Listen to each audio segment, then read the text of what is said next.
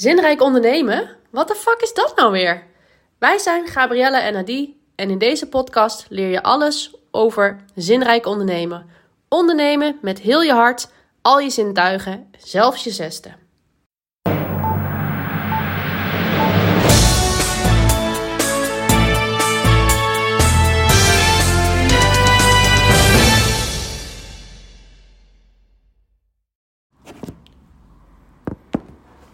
Disruptive marketing. Hè? Ja, disruptive marketing. Want nu gaan we natuurlijk allemaal met z'n allen op chat eh, GPT gaan we allemaal kijken dat dat voor ons de blogs gaat schrijven en zo, zeg maar. Terwijl het echt een rommel is natuurlijk wat hij eruit perst. Ja, het is hartstikke leuk om even als je een writersblok hebt, als je vastzit, dan kun je daar wat inspiratie op doen. Maar het is natuurlijk alleen maar trash wat van anderen gerecycled is. Zeg maar. ja, toch? Ja, Er zit niks nieuws in. Het nieuwe kunnen wij alleen bedenken als mensen. Wij hebben emoties, wij hebben het vermogen om creatief te denken, we hebben empathie. Dat, dat heeft chat niet. Chat, weet je, vroeger was er ook zo'n reclamefilmpje. Ik ben Chatman, super snel met Amazon, dus niemand Oh die me niet ja. kent. Nou, dat was nog eens coole marketing. Was het niet een man in een, in een, in een pakje of zo? Nou ja. Ik eh, denk gelijk naar koning Toto. Wel. Nou, hier heb je al van disruptive. strategie. Stelt organisaties en bedrijven in staat om innovatie tot realiteit te maken en een unieke plek in de markt te veroveren die de huidige trend geheel verstoort. Aha, Dat is wat ik bedoel. ja. We moeten niet leven op, oh, dit is een trend, dit is een trend. We moeten een mens raken, Je eigen trend maken, zoals, eigenlijk. eigenlijk wel, maar ik wou zeggen, je, je moet mens raken. Zoals, je stoort mij een hele goede uitspraak. Excuus, excuus, sorry. Zoals Quote. Cupido ons raakt, wou ik zeggen. Hartverwarmend. Hit. Arrow in the heart. Do remarkable things. Ja. Agreed upon. En ik, ehm, ik denk dat ik zelf, eh, eigenlijk veel, ik denk, als ik voor mezelf spreek, word ik gelukkiger als ik ehm, soms impulsief zonder Google beslissingen neem. Trek je nou gewoon een boek uit mijn kast weer? Niet ja, ben hoor. omringd door idioten. Want soms voelt het gewoon zo. Maar ik, ik denk ook dat het komt als je kijkt naar. ik, ik, ik blog natuurlijk wel veel over eh, onderwijs en zo. We worden allemaal met dezelfde boekjes, dezelfde werkschriftjes, dezelfde maniertjes, methodes. We moeten allemaal alles hetzelfde doen. Doe je het op een andere manier, dan, ehm, eh, dan ben je minder goed. Hè? Ben je minder goed. Want het maakt helemaal niet uit of, je het nou, of het antwoord goed is of niet je moet het doen zoals de rest het ook doet. Want dat is de enige juiste manier. Dat wordt ons geleerd al heel jong. Ja, dat is vanaf eh, nou, de basisschool, denk ik. Ja, als je allemaal, als je in groep 8 zit en je gaat naar, heb je echt een, nou, de middenmoot gaat zo'n beetje naar de HAVO, denk ik. Inmiddels ja, want er worden geen, eh geen vaklui meer opgeleid. Er worden geen vaklui meer, dus je hebt een aantal die daaronder zitten en een aantal die erboven zitten. Nou ja, we hebben, als we straks deze huizen, als we een keertje zo'n aardbeving krijgen, net als in Turkije, want ik zag even zo'n kaartje, heb je dat ook gezien, met hoe groot die eh, oppervlakte is van die aardbeving? Ja, ons Nederland toch? Ja, van Parijs tot, tot Rotterdam of zo. Amsterdam. Zoiets. Dus als we dat hier een keertje krijgen en eh, al deze blokken vallen allemaal in elkaar. Dan hebben we niet eens mensen om het opnieuw op te bouwen. Want niemand heeft meer de arts van het metselen. Nee. Want we doen alles in de fabriek. We doen alles machinaal. Want het is allemaal zo efficiënt en zo En dan goedkoop. vragen we aan ChatGPT hoe we dit zo snel mogelijk moeten opbouwen. Ja, maar chat, die gaat ons niet vertellen hoe wij straks, eh, hoe we nou echt een brood kunnen bakken zoals ze dat in de 17e eeuw deden. Wat nog echt lekker was en smaakvol en handgemaakt. En waar je gewoon een één snee gewoon vol zat. En dat heeft niks mee te maken dat ze vroeger minder aten. Dat heeft ermee te maken dat het toen gewoon voedzaam was. Ja, dat er nu eh We hebben haar nu- van Oeigo- Oeigoeren door, de, door het beslag wordt geroerd. ja, mijn maar zo is het wel. Kattenharen. Er zit gewoon mensenhaar in, in brood. Oh. Ja, hier. Als je het slechte kwaliteit koopt, denk ik. Dat Ja, weet ik niet zeker. ik weet niet. Ik weet niet, ik weet niet of je brood, maar, kun je eh, brood bij de Action kopen. Wat is het?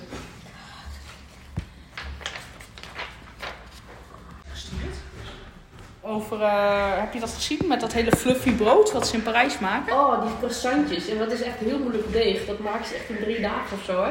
Waarom? Ja, omdat dat eh, moet vouwen, dan moet rusten en dan moet je het op een andere manier vouwen. Oké, weet je wat daar zo bijzonder aan is? Nou? Dat ik ken iemand die daar eh, in de rij heeft gestaan. Voor die bakkerij. Ja? Want we willen allemaal dat broodje hebben. Want het ziet er Dat is fluffy uit. Jan de Groot in Den Bosch. Wie? Jan de Groot, Wie is dat? die maakt die bossenbollen. Oh, die bossenbollen. Ja. Bossenbollenkoning. Ja, Nou ja, die zit ook altijd in de rij. Ja, omdat we waarderen als mensen ergens effort in stoppen. Ja. Want dat is echt lekker. Dat heeft vaak is, zijn allemaal familiebedrijven of, of, of eh, kunstenaars die al weet ik voor hoeveel jaar dat allemaal al observeren en uitvoeren. Het zijn geheimen waar jij en ik geweten van hebben. Dat gaan we niet krijgen. Nou, Ik wil niet eh, de kookkunsten van jou onderschatten, maar als ik naar mezelf kijk, laat even mezelf betrekken. Eh, ik denk dan als ik zo'n broodje denk ik ja. Goh, dat lijkt me echt wel heel smakelijk. Ik ben benieuwd hoe dat proeft. Hoe, hoe proeft dat in je mond? Zo heel lekker bouncy broodje. Hoe ruikt het daar in die bakkerij? Just Dreams. Maar mensen staan in de rij voor dat. Oh, ze willen gewoon gaan apart naar Parijs toe afreizen. Omdat ze die bakkerij willen bezoeken. En dan sta je daar in de rij. Uren. Om je, omdat jij zo die ervaring wil hebben. Terwijl ik denk... Ja, dat is logisch eigenlijk. Want dat is toch honderd keer lekkerder dan dat smerige, droge croissantje. Wat, en ik weet hoe het gaat bij de Jumbo. Nou, ik weet niet hoe het bij de Jumbo gaat. Maar ik bedoel, ik heb zelf op de broodafdeling gewerkt. Zo'n supermarkt. En eh, het wordt allemaal aangeleverd in kant-klare structuurtjes en Ja, malletjes. En je moet het alleen even of bevochtigen of je moet het uit de plastic halen. Het gaat in de oven, het is klaar. En dan noemen ze dan lekker vers gebakken.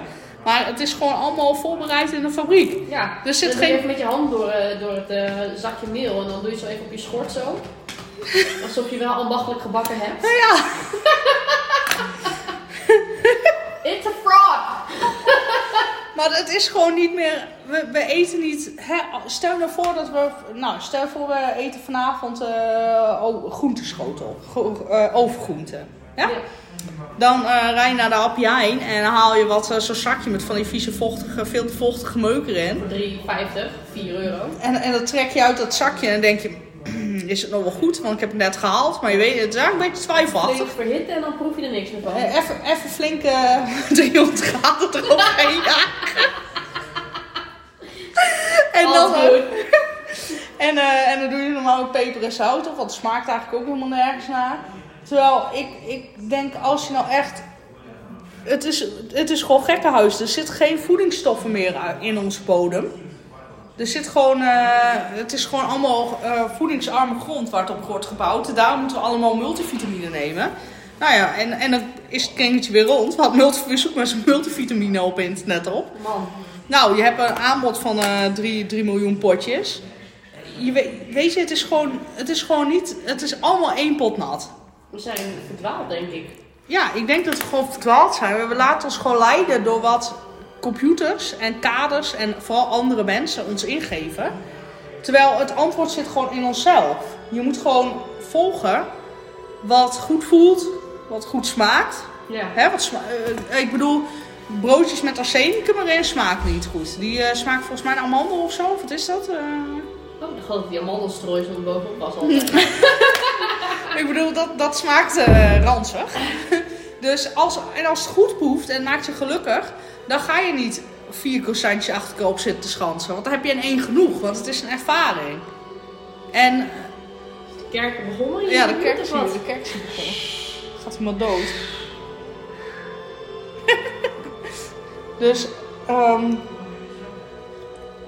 we moeten eigenlijk, als we onszelf als voorbeeld nemen en dat doortrekken naar klanten en naar de klanten van onze klanten, dan wil je je klanten dus eigenlijk een beleving geven door te voelen, te proeven, te ruiken, te horen, te zien. En eh, ja, ik weet niet of jij ook nog Sixth Sense hebt, maar eh, Absoluut. daar zou je ook nog wat Ik mee heb kunnen gisteren weer misschien. wat erop, naar boven gestuurd, naar Higher Intelligence. Oh. Dus eh, ik ben benieuwd hoe dat terug naar beneden komt. Nou ja, ik... ik denk... Ja, maar het is ehm, wel, kijk, ehm, dat, dat, dat weer, weer terug moeten naar onszelf. Hè, alle zintuigen benutten. Ik denk dat dat klopt Maar dat daar ook weer een heel een soort taboe op rust of zo. Want de mensen die dat doen, die zijn of verschrikkelijk irritant.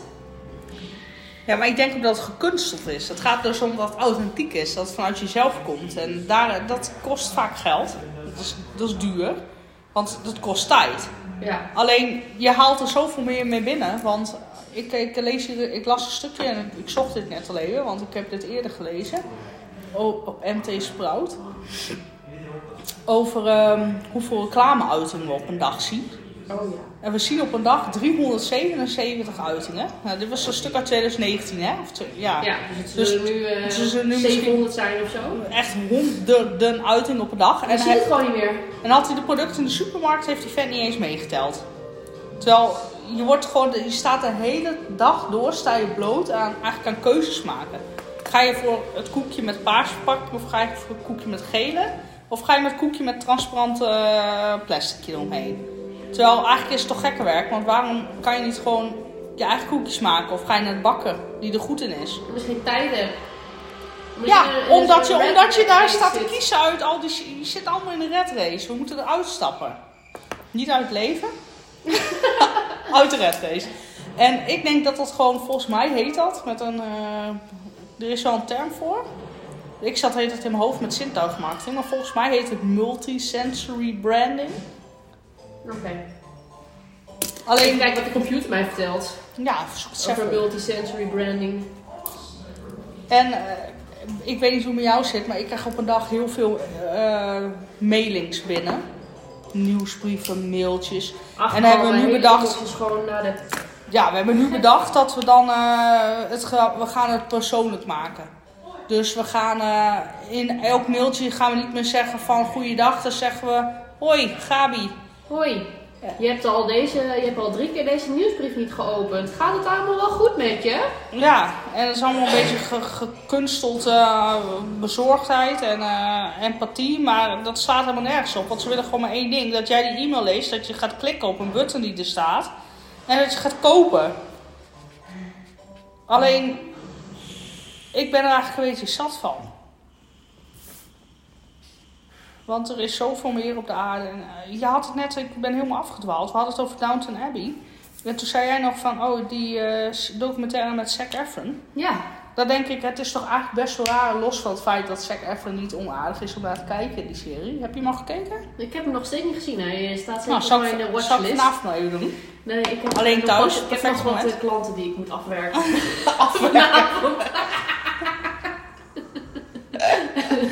Maar als, als, als je die serie eh, kijkt, die documentaire, dan denk ik, Mhm. ja, het is, het is een feestje voor je oog. Niet alleen vanwege Zac Efron, maar ook vanwege...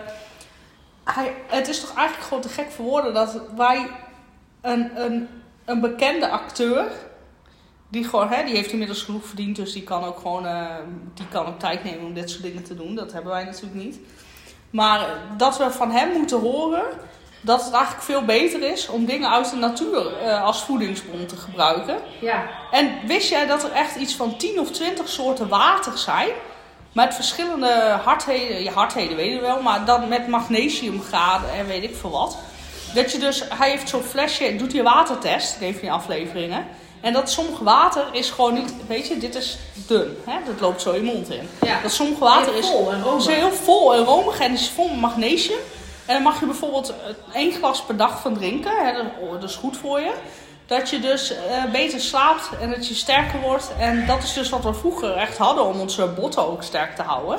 Maar dat hebben we nu allemaal niet meer. Want we dachten, ja, we kunnen daar allemaal uit de rivier liggen lubberen. Maar we kunnen ook een dikke fabriek neerzetten. En dan gaan we zelf gewoon water maken. En dan verdunnen we het een beetje met ander water. En dan hebben we wat. Maar dat is natuurlijk, het streeft alles voorbij waar het voor bedoeld is. En we hebben al die bronnen, die natuurlijke bronnen, en we gebruiken ze gewoon helemaal niet. Nou ja, of we gebruiken ze eh, om de wereld kapot te maken. Want dan- zijn we zo aan het overdelven, hè? Overkill. Ja. Overkill, ja. Maar als iedereen uit zijn lokale omgeving zou nuttigen, dan zouden we helemaal niet dat probleem hebben. Het probleem is dat we nu eh, vliegtuigen hierheen halen met tomaten uit eh, weet ik veel wat voor warm land. Spanje in ieder geval. En dat, we dat we ze hier, dan komen ze binnen en dan worden ze in de koeling gezet bij Lidl of zoiets. noem maar wat. Zijn ze nog groen? Dan En staan dan, zijn ze en dan een staan ze daar een week, dan zijn ze rood en dan mogen ze de winkel in. En dan zeggen ze, oh, ze zijn misschien, oh, misschien wel net een dagje lang gewacht dat ze rood zijn. Nou ja, daar gaat een aanbieding op.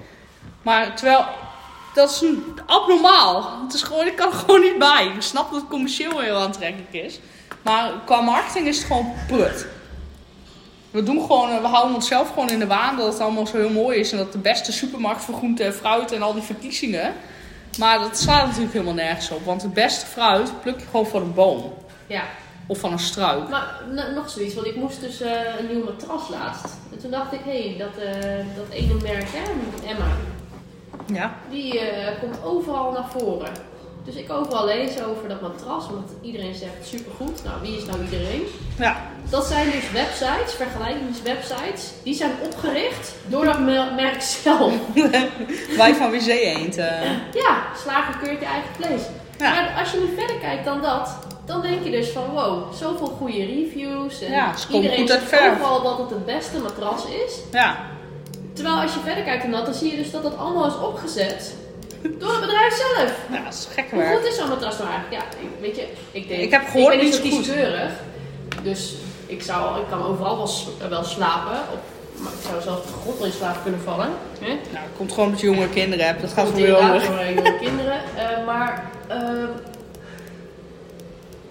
dat, eh, dat, ja, hoe, hoe goed dat matras is, dat, En dat dat komt. is gewoon lulkoek. En het is gewoon lulkoek. En het komt omdat we een stap missen. Want je kunt niet een matras via internet kopen als je het goed wil hebben. Een matras moet je kopen. En dat werd vroeger gewoon kocht je dat bij iemand die er verstand van had. En die wist wat goed is voor jouw lichaam. Dus je ging ervaren. Je Ja. ging daar voelen. Je ging erop liggen. Je ging het testen. Ja, maar dat, En dat, dat, dat, dat is allemaal wel fijn en dat, dat kan nog steeds. Maar daarvoor moet je ook best wel flink portemonnee trekken. Als je kijkt naar mijn schoonouders, die hebben laatst matrassen gekocht. Die perfect bij hun lijf zouden passen. Kosten slechts 2200 euro voor zo'n kutmatras. Ja. En ze slapen bagger. Ja, omdat we geen, we hebben die kennis niet meer, want het is een ambacht. En eh, je hebt zo'n gast, die, eh, ik weet even niet hoe die heet. Die is ook een Nederlander volgens mij. Maar die maakt zelf eh, met de hand. Hij maakt ambachtelijke matrassen. Oh ja.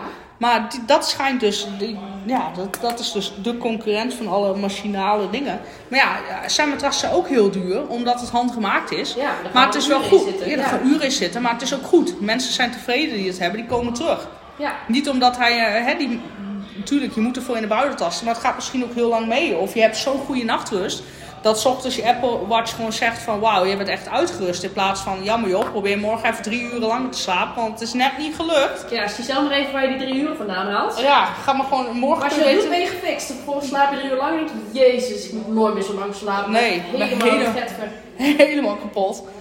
Dus, en weet je, het gaat verder dan, je hebt ook mensen die zeggen, ja, je moet neuromarketing doen. Hè, dat, wat, wat het brein prikkelt. Ja. Er zit natuurlijk wel wat in, maar als je alleen maar op neuromarketing richt, dan ben je eigenlijk ook gewoon mensen weer aan het beïnvloeden op, op een beetje een valse wijze, zeg maar. Want je, kun, je kunt mensen, het, het is, zit een verschil in dat je mensen wil beïnvloeden op een manier, of dat je ze wil prikkelen. Ja. Weet je, prikkelen is in mijn optiek, ik weet niet of het echt zo is, maar daar heb ik een, meer een gevoel bij dat je mensen gaat enthousiasmeren. Nadat je ze laat ervaren hoe, hoe iets goed kan voelen en hoe, Ja. iets, hoe je iets voor hun doet. Hè? Het gaat ook om de moeite. Je doet iets voor hun. Je hebt effort, gooi erin. En die mensen die waarderen dat en die voelen zich er goed bij. En die hebben een, een, een persoonlijke ervaring wa- waardoor ze denken, ja, dat gaan we doen. Beïnvloeden is dat je ze door trucjes laat overtuigen dat, dat ze bij jou moeten komen. Ja. Zeg maar.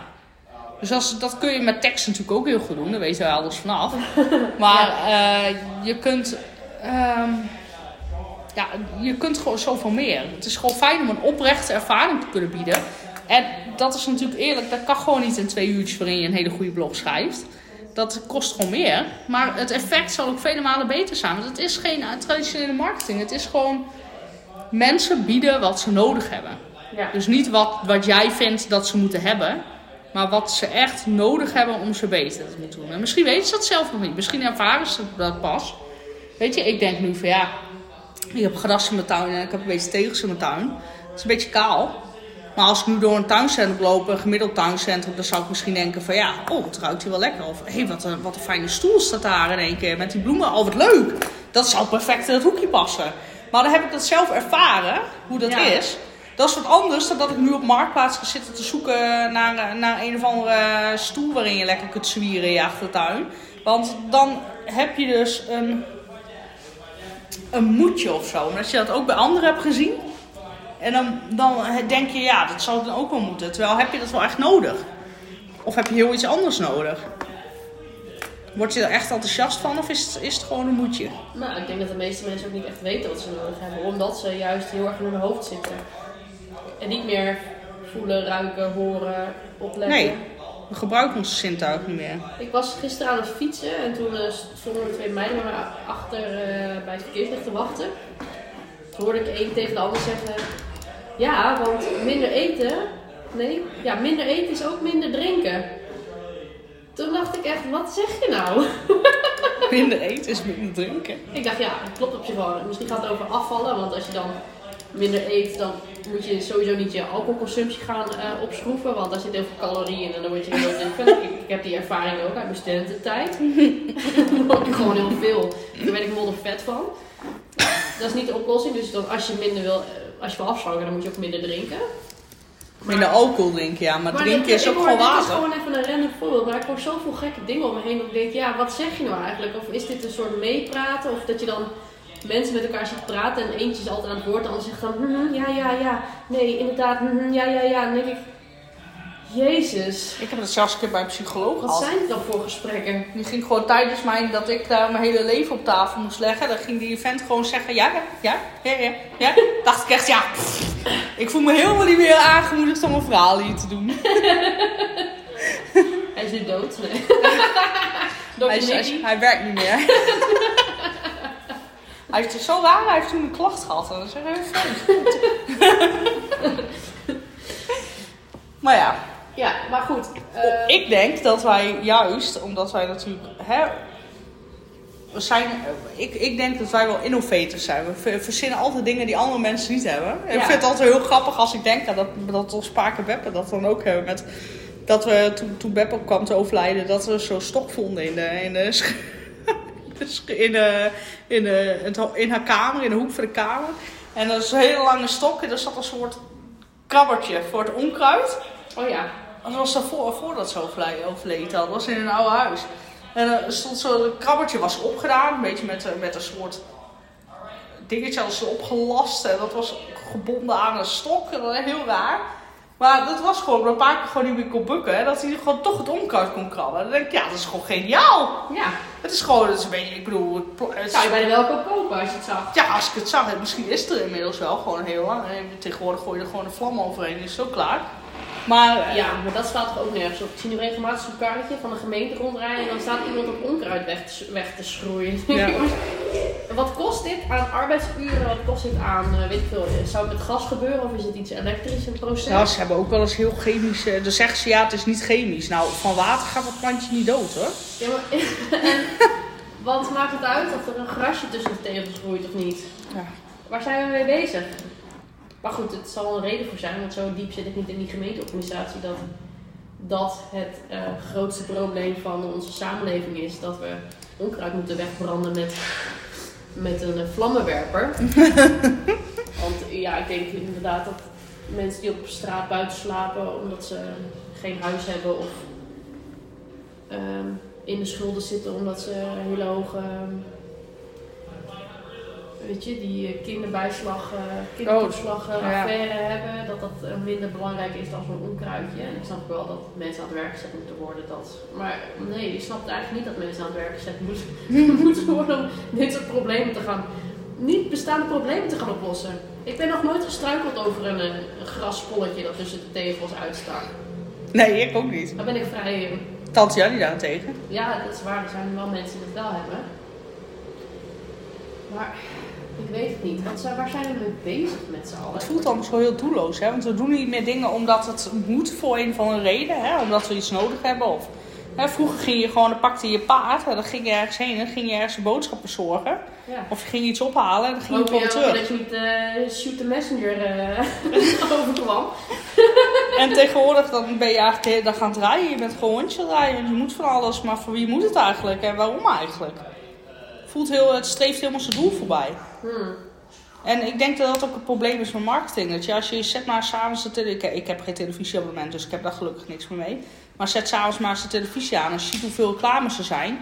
En het houdt gewoon niet op. Je zit gewoon rustig eh 14 minuten naar een reclame te kijken tussen, twee, eh, tussen in, in één serie. Nou ja, nou, la- 14 minuten, dat is nog weinig denk ik. Want ze laten dan 20 minuutjes zien van een filmpje. En dan heb je een kwartiertje, nee niet een kwartiertje, je 5 minuten. En dan weer 20 minuten. En als zo'n film dan anderhalf uur duurt, dus dat is eh, keer, eh, wat is keer 5. Dan heb je gewoon bijna een half uur reclame Ja. zitten kijken ondertussen. Ja. Gekke werk. Gekke werk. Ja, en dan denken we, ja, ja maar nee, en dan zeggen ze ook, hè, die marketeers, van... Ja, nee, maar onbewust blijft er heel veel hangen. Dan denk ik, nou, als je nu aan mij vraagt, eh, onbewust, denk ik, ja, ik werk in de marketing, dus ik zie dan heus wel eens dingen terugkomen. Maar het prikkelt mij niet om eh, te denken, oh, dat moet ik nu hebben, want dat heb ik onbewust gezien. Of eh, dat werkt bij mij niet zo. Nee. Nou, ik zag wel die, eh, die M&M's dus laatst in de winkel liggen. Met die, eh dacht die ook figuurtjes met... eh, Oh ja. Met die grimpen en zo. Ik dacht, dat is eigenlijk ook iets geks, hè? Dat je dan eh, bedenkt als eh, M&M-merk van we moeten af van de gender. Hoe zeg je dat? Diversiteit, diver, de diverse, nou, Diversification. Ja. diversification, ja toch? Ja. En dat je dan de hakschoenen gaat inwisselen voor sportschoenen. Maar dan toch nog een soort van wel divers wil zijn. Dus er ook een obese poppetje doorheen fietst. En een paars poppetje. En, eh, dat de hele wereld er ook over valt. ja. Terwijl, het zijn fucking chocolaatjes, mensen. Doe even normaal. Ja. Hele Maar mini Ik chocolaatjes. het wel, wel interessant. Ik sprak er wel een klant over. En die zei... ehm, van dat het altijd eerst extremer moet. Voordat er een ondergrens wordt opgetrokken. Nu is als je dit soort als je zegt van het moet anders of eh, Shell moet eh, sluiten want het is een kutorganisatie, maakt het kapot.